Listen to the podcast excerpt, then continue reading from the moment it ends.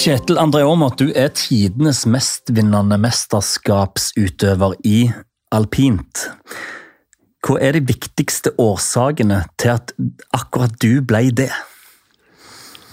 Nei, altså jeg, Når jeg snakker med ungdommen, så etter å ha fortalt min historie, da, som er min historie, bruk det for det det er verdt. Alle har sin historie, alle er litt forskjellige.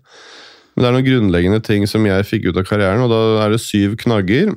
Og det første jeg begynner med, er jo da aldri gi opp. Fordi at uh, Du kan justere målene dine, men du må jo aldri gi opp livet eller gi opp å ha noen mål i seg selv, spesielt i de yngre årene. Jeg var 15 sekunder bak. Jeg er på de første FIS-renna, hvor du kjører da i verdensrankingsystemet som 15-åring. Ja, det føltes helt håpløst. Det er ganske mye alpint. Men det var den ene svingen jeg måtte kjøre litt fortere. Så aldri gi opp er på en måte vært mitt mantra uansett. Jeg, uansett hva jeg gjør eller konkurrerer i, uansett hvor dårlig odds jeg har for å vinne, hvor langt bak jeg er. Det er full guffe til det blåses av. Så det er nummer én. Nummer to er at det er den som øver mest, da, som øh, vil kjenne mest glede, mest mestring, og kanskje vinne mest. Men målet er ikke nødvendigvis å vinne, men det er jo kanskje å, å ta ut litt av seg selv. da, Ta ut det potensialet man har. Jeg trenger ikke å makse helt hele tida, mm. men, men uh, ta ut litt det tror jeg gjør deg litt lykkeligere. Så det er, det, er nummer to. Uh, men det, er, det, føles jo ikke som en sannhet alltid, at det er den som øver mest, som får mest tilbake av livet. Men det er det utgangspunktet man må ta. Jeg hadde ofte veldig korte bein, syns jeg. Skulle gjerne hatt litt lengre bein, men jeg, jeg, måtte jobbe med det jeg hadde. Og jeg føler at den innsatsen jeg la inn, den, den ga meg uh, ga meg noe i den andre enden, uansett om ting føltes håpløst av og til. Og det vil alle føle av og til, at man jobber masse, så får man det ikke til. Men til slutt så vil man nok få tilbake, uh, som jeg pleier å si, enten i form av gode resultater i det man holder på med, uansett hva det er, eller i hvert fall i form av gode opplevelser med kollegaene sine. Og det er kanskje viktigere. Det tredje er at du skal gjøre kompisen din god, eller kollegaen din god. Og uh, da handler jo om eh, de fire prinsippene som jeg følte at vi hadde. Det å være en god rollemodell altså på, på Attacking Vikings. Det å snakke til hverandre, ikke om hverandre. Det å legge janteloven til sides og feire hverandre, dele all kunnskapen man har. Og så er det det å respektere at vi er forskjellige. Og fjerde er vel at man også må tørre å prøve å feile. Og det er å uh, ha rom for det i en gruppe tror jeg er veldig viktig. At man kan le av, med folk, men ikke av folk. For det er veldig mange som uh, Lasse Kjus og Bode Miller er to eksempler fra alpinverden som prøvde å feile så mye, og vi holdt på å le oss i hjel, men plutselig så var de best. Uh, og da begynte vi å studere de istedenfor å le av de. Og Det femte er at man skal aldri bruke for mye unnskyldninger. Eh, veldig mange som gjør det. Det er forklaringer på ting, men prøv å unngå å bruke unnskyldninger. Tenk på hva du kan gjøre bedre. Eh, og ikke skyld på andre eller utstyr eller vær og vinden. Det sjette er at man skal ha det gøy. Og det å ha det gøy uh, To måter å ha det gøy på. Enten du være med på fest og ha det moro, det er fint det òg, men det som er kvalitet, skulle jeg være i utvikling sammen med en gruppe, sammen med kollegaene dine og vennene dine. Det er liksom det som er gøy over tid. Og det siste er vel det der med alle sier, Mange sier at uh, jeg er så god på trening, jeg, jeg, jeg sliter med huet, jeg er ikke mentalt sterk. Men det er ingen som er født mentalt sterke. Det handler om erfaringer i mitt hode. Paradokset, som du sa, altså jeg, jeg, blir kjent for å være best når det gjelder i, i alpint. Da. Mange medaljer i OL og VM, mm. ikke så mange i, i verdenscupen. Men jeg var livredd. Jeg var livredd. Veldig nervøs, redd for å mislykkes.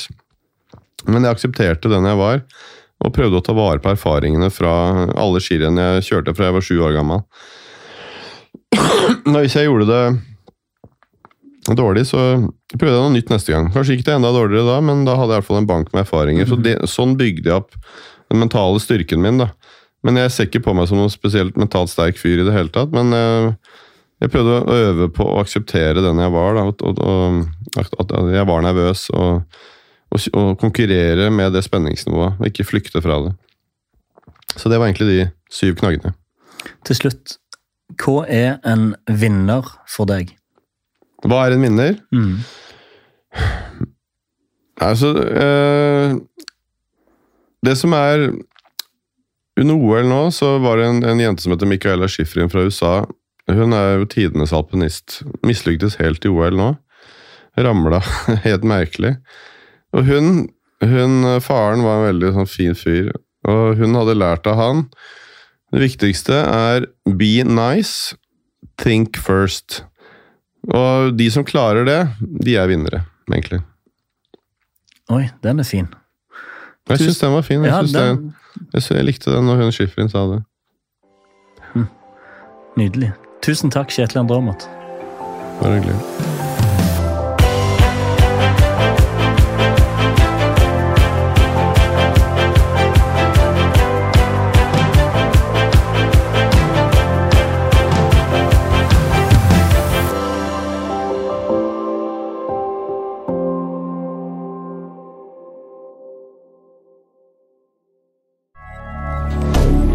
Moderne media. Ukens annonsør er Folio, en smartere banktjeneste for deg som har en egen bedrift eller ønsker å starte for deg selv. Folio er en superenkel nettbank for bedrifter. Som kunde i Folio får du en bedriftskonto med et bedriftskort og app. I denne appen er det smarte løsninger som forenkler regnskapet ditt, uansett om du har en liten bedrift eller et enkeltpersonsforetak. Folio er både intuitivt og brukervennlig, og er laget med et enkelt språk. I tillegg tilbyr de forutsigbare priser og ingen skjulte gebyrer. Skulle du likevel trenge det, så kan du snakke med deres raske og hyggelige kundeservice, og der får du prate med en faktisk person og ikke en chatbot. Folio er med andre ord både enklere og koseligere enn banken. Over 10 000 bedrifter har allerede valgt Folio som sin banktjeneste, så besøk folio.no og se hvordan Folio kan forenkle din hverdag også. Har du et enkeltpersonforetak eller en liten bedrift? Da er du sikkert lei av å høre meg snakke om hvor enkelt det er med kvitteringer og bilag i fiken, så vi eh, gir oss her, vi. Fordi vi liker enkelt. Fiken superenkelt regnskap.